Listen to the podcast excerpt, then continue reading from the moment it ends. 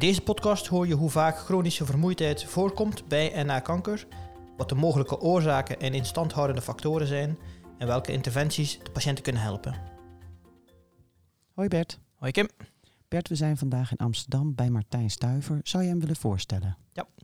Martijn Stuiver is klinisch epidemioloog en opgeleid als fysiotherapeut en hij doet onderzoek naar functioneel herstel van kanker in het Antonie van Leeuwenhoek.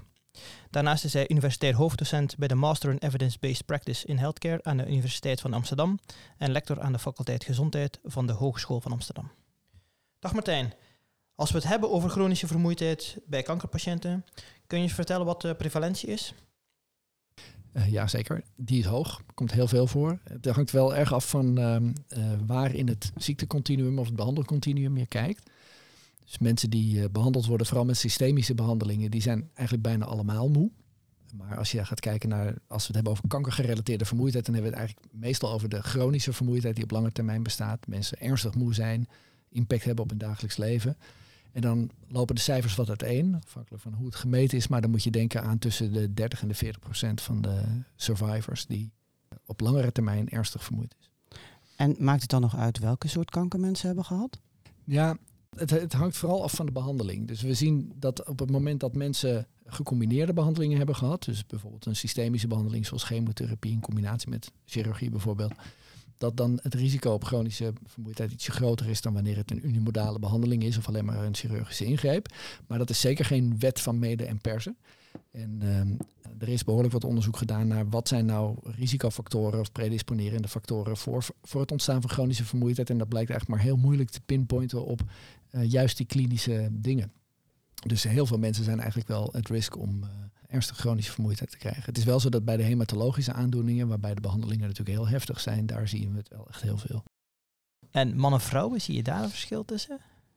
Nou, dat, ook daar is het moeilijk te zeggen. Er, er zijn wel wat onderzoeken die suggereren dat vrouwen iets meer risico hebben op chronische vermoeidheid. Maar dat is, ik zou daar niet een harde uitspraak over durven doen dat dat nou geslachtsgebonden probleem is. Zeker niet.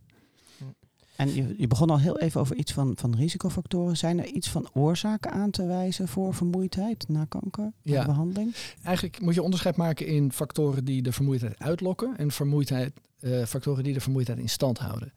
Factoren die de vermoeidheid uitlokken, dat zijn factoren die gerelateerd zijn voor een deel aan de ziekte. Dus dat zijn de energieconsumptie van de tumor. Kun je aan denken, heel veel mensen zijn bij diagnose al sarcopeen, zoals we dat noemen. Dus die hebben al spiermassaverlies en daardoor ook al een slechtere fysieke conditie.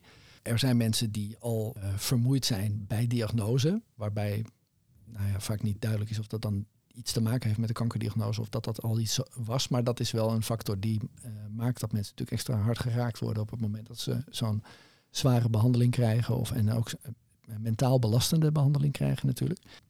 Dan heb je de effecten van de behandeling zelf. Als je bestraling krijgt of je krijgt chemotherapie, dan worden natuurlijk niet alleen maar de tumorcellen getroffen, maar ook gezonde weefsels. En die, ja, dat leidt tot ontstekingsreacties in het lichaam. Dat leidt tot allerlei processen die in gang worden gezet, ook weer voor reparatie. Uh, en dat kost natuurlijk heel erg veel energie.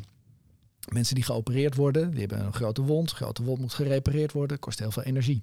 Dus als mensen niet een uh, hele goede voedingstoestand hebben en niet heel erg uh, actief blijven rondom zo'n behandeling, ja, dan deconditioneren ze eigenlijk toch wel vrij snel.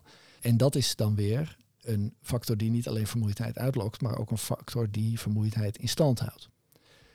Bij die instandhoudende factoren is het eigenlijk heel moeilijk terug te voeren op dingen die heel direct met de behandeling te maken hebben. Dus dat is ook wat ik eigenlijk net zei, van er zijn niet per se uh, medische risicofactoren heel duidelijk aan te wijzen. Zo van, nou, die krijgen wel chronische vermoeidheid en die niet. Het zijn eigenlijk juist de gedragsfactoren, psychosociale factoren die daar een veel grotere rol in lijken te hebben. En dan moet je denken aan een afgenomen conditie, wat ik net al noemde, slechte voedingstoestand. Maar niet alleen afgenomen conditie, maar ook een inadequate activiteitenregulatie. En daar heb je allerlei varianten van. Kunnen we het misschien zo nog wel even over hebben. Stemmingsklachten kunnen daar een rol in spelen. Slaapstoornissen, mensen met een verstoord slaapwaakritme. Ja, verwerkingsissues, reactie van de sociale omgeving. Nou, zo kan je nog wel een poosje doorgaan. Dus er is een hele trits aan factoren die iets zeggen over hoe weerbaar mensen zijn, of hoe, hoe veerkrachtig mensen zijn en hoe zij omgaan met hun klachten, die wel te maken hebben met het in stand blijven van vermoeidheid.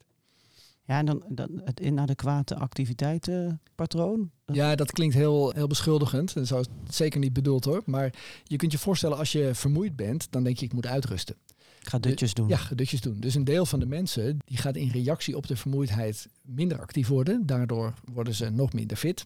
En daardoor kosten activiteiten van het dagelijks leven nog meer inspanning. Met als gevolg dat ze meer vermoeidheid ervaren. En het ontstaat er zo'n negatieve spiraal van inactiviteit en vermoeidheid. Er zijn ook mensen inderdaad die denken, ja, dan moet ik maar gaan slapen overdag om, om vermoeidheid de baas te kunnen. En die dan s'nachts slecht slapen. En dat gaat dan vaak gekoppeld met als je wakker ligt. S'nachts is alles erger. Dan, en dan ga je piekeren. Ja. Ga je piekeren. Dus dat, ook dat houdt zichzelf dan een beetje in stand. En dat draagt natuurlijk ook niet bij aan herstel van vermoeidheid. En je hebt aan de andere kant ook mensen die uh, heel veel hebben ingeleverd aan fysieke fitheid.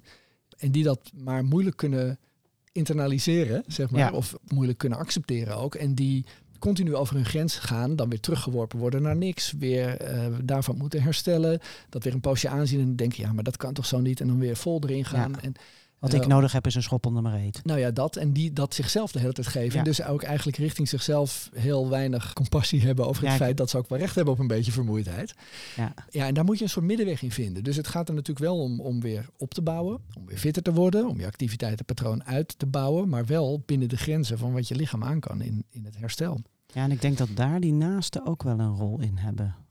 Ja, maar dat gaat ook twee kanten op. Dus er zijn mensen die hun naasten heel erg afremmen. En die zeggen, ja, eh, doe nou maar, rustig, aan. ja, precies.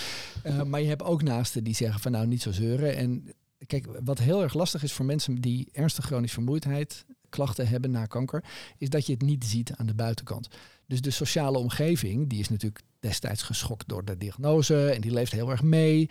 En die stelt van hoe gaat het en die neemt dingen over. Maar op een gegeven moment zijn die behandelingen achter de rug. We gaan een paar maanden voorbij. Het leven gaat verder voor iedereen. En die sociale omgeving die, die neemt dan een beetje natuurlijk af in de manier waarop ze een steunsysteem vormen rondom zo'n patiënt, om het zo maar te zeggen. Die zien aan die patiënt niet dat die patiënt heel erg vermoeid is. En als die patiënt dat dan niet zelf duidelijk aangeeft of uh, zegt van ja, dit heb ik nodig of dat heb ik nodig, dan kan er ook een soort ja, misverstand ontstaan bijna waarbij de sociale omgeving heel veel eisen stelt aan iemand, waar iemand helemaal niet naar tegemoet kan komen. Dus het gaat twee kanten op. Ik kan me voorstellen dat uh, het niet alleen het geval is in de sociale omgeving, maar ook als de patiënt in het ziekenhuis voor de verpleegkundige zit. Heb je tips voor verpleegkundigen om dat uh, uit te vragen of om daar toch achter te komen dat iemand chronisch vermoeid is, ook al zie je het misschien niet meteen? Ja, dat is denk ik zeker een risico. Want als, als je iemand ziet zitten en die ziet er verder gezond uit, kom je misschien niet op het idee om dat te vragen. Aan de andere kant is het wel een heel bekend probleem, denk ik. Vermoeidheid is echt een van de, van de belangrijkste lange termijn effecten waar mensen over klagen. En mijn indruk is dat de awareness, zoals dat heet, in Nederland best heel goed is onder uh, zorgend personeel. Um, maar het is natuurlijk wel iets waar je op kunt screenen. En er wordt natuurlijk gescreend in Nederland in de meeste gevallen met de lastmeter. Daar staat ook iets op over uh, vermoeidheidsklachten. Het is altijd goed om er naar te vragen. Maar het is vooral belangrijk om door te vragen. Want een deel van de patiënten die zullen die symptomen misschien een beetje bagatelliseren. Zeggen ja, is logisch, hoort erbij. Uh, een deel zal het accepteren als het is heel problematisch, maar er is toch niks aan te doen. Dus ik hoef het ook niet te adresseren bij de dokter. Ja, en dat soort misverstanden, die wil je natuurlijk wel graag voorkomen. Dus het is wel belangrijk om regelmatig te vragen. En dan op het moment dat je signaleert dat iemand een hoge score voor vermoeidheid heeft of een hoge, hoge ziektelast ervaart door die vermoeidheid, ja, om dan wel daar ook op door te vragen en actie te ondernemen. Wat wij in het ziekenhuis nu uitgebreid aan het implementeren zijn, is uh, dat standaard in de elektronische patiëntendossiers patient reported outcomes worden afgenomen, waaronder dus ook vragenlijsten over vermoeidheid.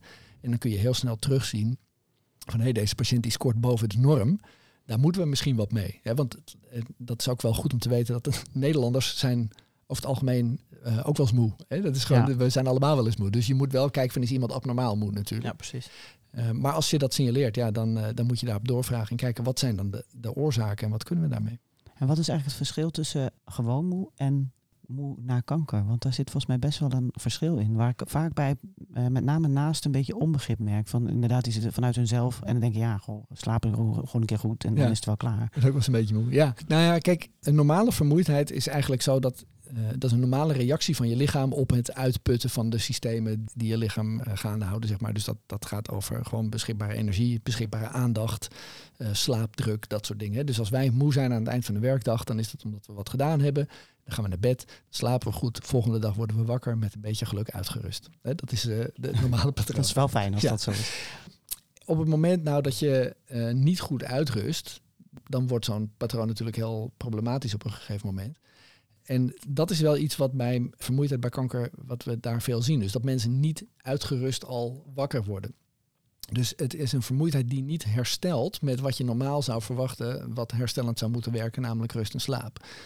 Het is ook een vermoeidheid die mensen vaak heel slecht nog kunnen koppelen aan de belasting die ze zichzelf opleggen of die, die de, hun leven aan hen oplegt, zeg maar. Dus ze, ze worden erdoor overvallen. Het komt uit het niks en dan is het in één keer op. Mensen kunnen het vaak ook niet labelen als iets wat een logisch gevolg is van iets wat eerder is gebeurd. En soms zijn die patronen er wel degelijk, maar dat zien mensen uh, niet altijd. Nee, dan hebben ze voor hun gevoel gewoon een normale dag gehad. Ja, ja. precies. En dat, dat, en dat kunnen natuurlijk ook hele kleine dingen zijn. Hè. Als je, ja, ik leg, legde vroeger, toen ik nog als fysiotherapeut werkte, vaak aan mensen uit van je hebt een, een soort bandbreedte waarbinnen je goed kunt eh, opereren, zeg maar. Hè? Hoe zeg je dat? Eh, je hebt een soort, ja. je hebt een soort bandbreedte waarin je goed functioneert. En daar kun je soms een beetje overheen gaan en soms een beetje onderblijven. Als je op vakantie gaat, doe je wat minder, maar dan ben je niet meteen compleet gedeconditioneerd. En soms dan werk je eens wat harder dan wat je gewend bent, maar daar herstel je ook wel weer van. En het is een beetje alsof je over een richel loopt en die richel die is een paar meter breed. En je valt er niet zomaar af. Maar als je die ernstige vermoeidheid hebt, zoals veel mensen naar kanker die ervaren, en die bestaat lang, dan wordt dat regeltje steeds smaller. En dan is van het pad afstappen ineens zomaar gebeurd. Zonder dat je voor jezelf duidelijk ziet van hé, hey, er is een aanleiding die dat heeft veroorzaakt. Soms is die er wel, maar dan herken je hem gewoon niet, omdat je er helemaal niet op aan het letten bent op dat moment. Omdat je hem helemaal niet verwacht. Een krachtige metafoor, vind ik wel een mooie. Ja, daar kan ik al wat mee. Nou, je hebt de patiënt die chronisch vermoeid is. Welke behandelopties of interventies uh, kun je die uh, patiënt bieden? Diverse. Er is een uh, richtlijn, onlangs ook weer herzien, voor wat je kunt doen met chronische vermoeidheid bij kanker. Er zijn eigenlijk maar heel beperkt medicamenteuze opties. En die, die werken over het algemeen ook niet zo goed. Dus de belangrijkste interventies direct gericht op vermoeidheid op dit moment zijn bewegen, dus trainingsinterventies en cognitieve gedragstherapie. En daar worden op dit moment ook een aantal varianten daarvan onderzocht. Dus kijk, bewegen is een heel breed spectrum. Dus dat gaat van zelfgestuurd, wat we noemen graded activity, dus langzaam opgebouwd, meer bewegen, gedragsmatig aangestuurde programma's. Heel erg gericht om weer in beweging te komen, maar ook die activiteitenregulatie op orde te krijgen, ook die rustmomenten op de juiste manier in te zetten. Tot aan echt gerichte trainingsinterventies, waarbij gewoon het hoofddoel is trainen, fit worden, eh, inspannen. Nou, daar zien we eigenlijk van die beweeginterventies, die trainingsinterventies, zien we eigenlijk de grootste effecten in de regel. Maar voor een deel van de patiënten uh, is juist cognitieve gedragstherapie heel erg effectief. En dat is met name zo als al die factoren die te maken hebben met die cognitieve gedragsmatige processen heel erg belangrijk zijn in het onderhouden van de klacht. Dus mensen die uh, niet alleen een verstoorde activiteitsregulatie hebben, maar ook bijvoorbeeld uh, catastroferen. Dus die de vermoeidheid beschouwen als iets wat niet alleen heel erg is, maar ook eigenlijk... Komt nooit meer goed. Komt nooit meer goed, is niet meer te behandelen, is niks meer aan te doen. mensen die hele verstoorde verhoudingen hebben met hun sociale omgeving, dus die niet krijgen van hun omgeving wat ze ervan verwachten en zich daar heel druk over maken, uh, wat begrijpelijk is, maar niet helpend. Nou ja, dat, dat soort factoren, dan is cognitieve gedragstherapie een hele goede strategie. Ja, en er worden ook nog wel wat andere dingen geprobeerd. Er zijn natuurlijk ook relaties van vermoeidheid met andere symptomen. Dus je ziet dat vermoeidheid vaak samen voorkomt met stemmingsklachten. Nou is bij stemmingsklachten ook bewegen een hele goede optie. Dus uh, wat dat betreft zijn die beweginterventies op meerdere vlakken effectief. Vermoeidheid hangt ook samen met cognitie. En wat daar kip en ei is, is ook niet altijd heel makkelijk te ontwarren. Want als je moe bent, dan word je natuurlijk cognitief beperkt. Maar als je de hele dag maar boven je cognitieve kunnen moet functioneren, is dat natuurlijk ook ontzettend vermoeiend. Dus er zijn ook onderzoeken die gericht zijn op het verbeteren van het cognitief functioneren van patiënten, waarbij dan ook gekeken wordt van ja, is dat dan ook effectief op vermoeidheidsklachten? En daar zie je ook wel wat interactie tussen. Dus ja, dat zijn een beetje de mogelijkheden die er op dit moment zijn. En dan noem je beweginginterventie. Wat moet ik me dan bij voorstellen? Is dat, uh, doe je dan mee met Nederland in beweging uh, elke ochtend? Of uh, wat? Ja, nou, dat kan in principe van alles zijn. Het is um, grappig genoeg als je gaat kijken naar wat is nou nodig om met bewegen effect te boeken dan maakt het niet eens zo heel veel uit of je bijvoorbeeld krachttraining doet of duurtraining of een combinatie daarvan. Dat is eigenlijk allemaal wel effectief. Wat we wel zien is dat het effectiever wordt naarmate het intensiever is. En dat eigenlijk de interventies die op zijn minst matig intensief zijn, dat die echt effect sorteren.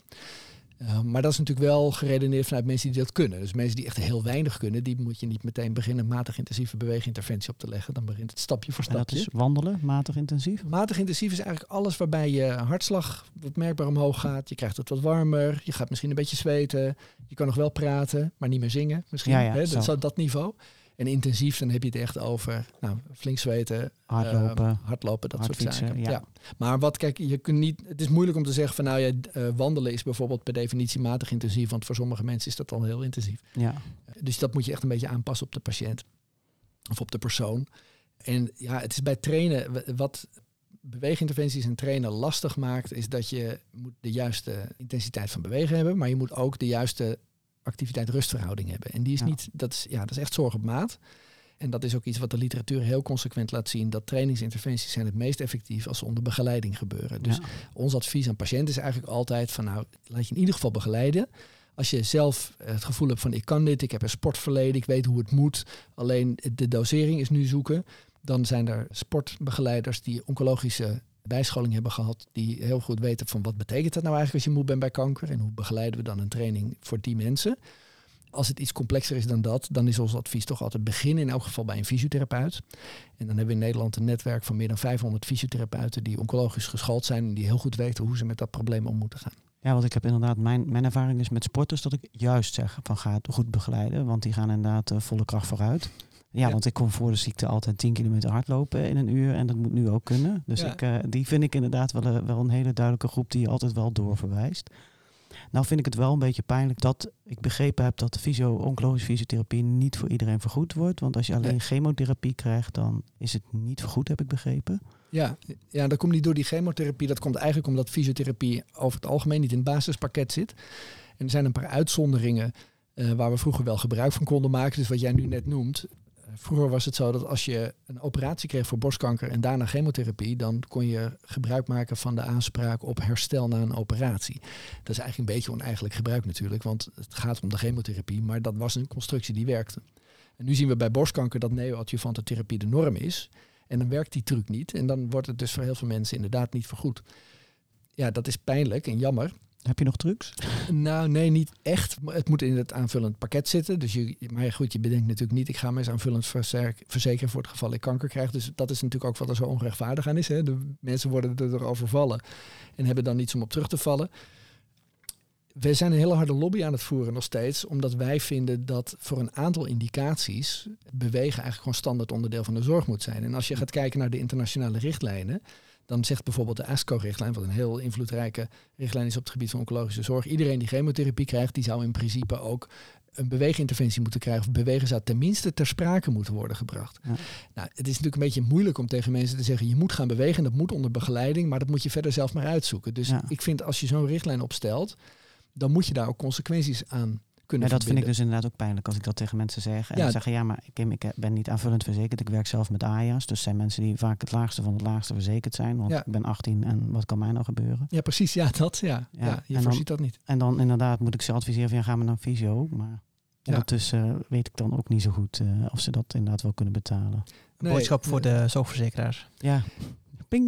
Ja, nou ja, dat beslissen de zorgverzekeraars niet helemaal zelf natuurlijk. Daar zit ook nog een zorginstituut en een, uh, en een overheid bij. Maar ja, het is iets wat we steeds op de kaart proberen te krijgen. En het, het gaat natuurlijk niet alleen om vermoeidheid. Het gaat ook om fitheid. Het gaat om dagelijks functioneren, kwaliteit van leven. Het gaat ook om risico's op de lange termijn. Want voor een aantal vormen van kanker weten we dat mensen die meer actief zijn, het risico op uh, terugkeer van de ziekte kleiner is, dat de overleving beter is.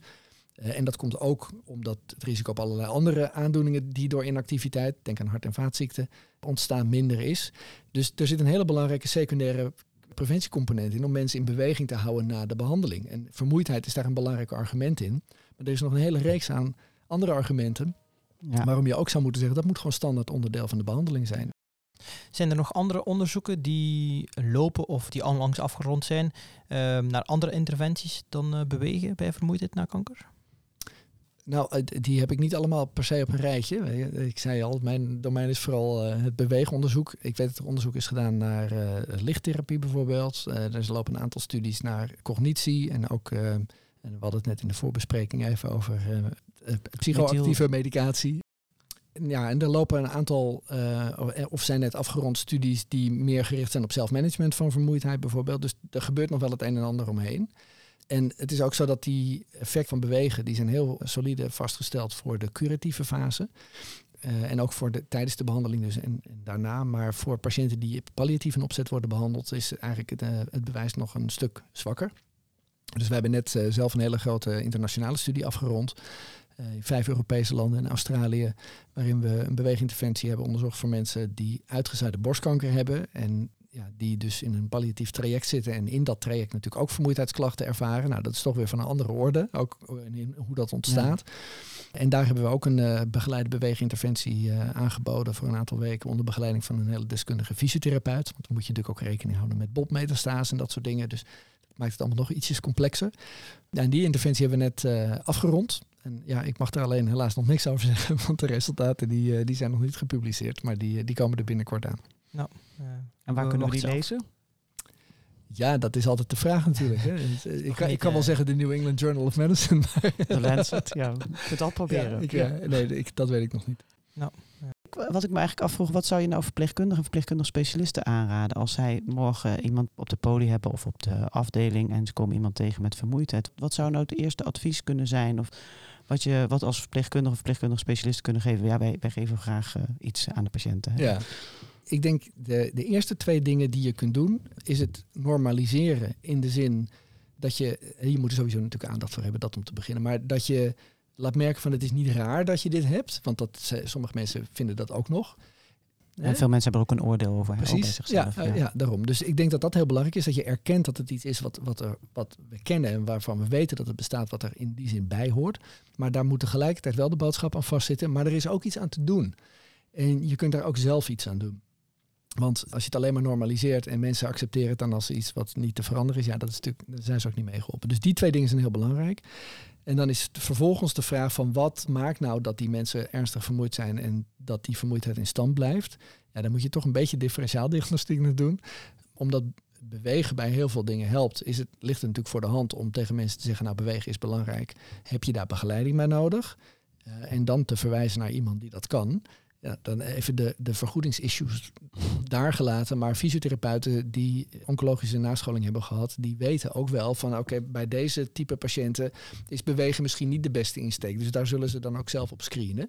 En ik denk dat uh, fysiotherapeuten in sommige ziekenhuizen ook case managers of uh, we hebben hier in het AVL patient navigators die, die goed weten welke opties er zijn.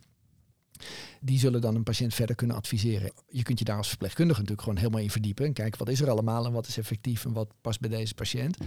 Maar ik merk bij, uh, nou met name misschien bij artsen nog meer dan bij verpleegkundigen, maar dat er ook wel vaak een soort terughoudendheid bestaat om het ter sprake te brengen, omdat je dan, als het ter sprake komt, ook opvolging aan moet geven. En als je dan niet precies weet wat je kunt adviseren of hoe je verder onderzoek moet doen, dan ben je misschien geneigd om het maar helemaal niet te doen. En dan denk ik, ja, doe het gewoon wel. dus benoem het, normaliseer het, bevraag mensen, uh, zeg dat er iets aan te doen is en verwijs ze naar iemand die die triage kan doen. En of dat nou een psycholoog is, of cognitief gedragstherapeut of een fysiotherapeut, die zouden allemaal wel een beetje moeten weten wat te koop is. Wat is de rol van ergotherapeut? Ja, nou dat is ook nog zoiets. Ja, die hebben daar ook hun interventies bij. Ergotherapeuten die uh, zijn bijvoorbeeld veel bezig met het, leren omgaan met de beperkte energie, energy conservation. Dus hoe, voorkom je dat er allerlei energie weglekt aan zaken die dat niet waard zijn? Hoe deel je je dag zo in dat je de dingen die echt belangrijk voor je zijn, dat je die kunt doen? Uh, hoe betrek je je omgeving daar ook in?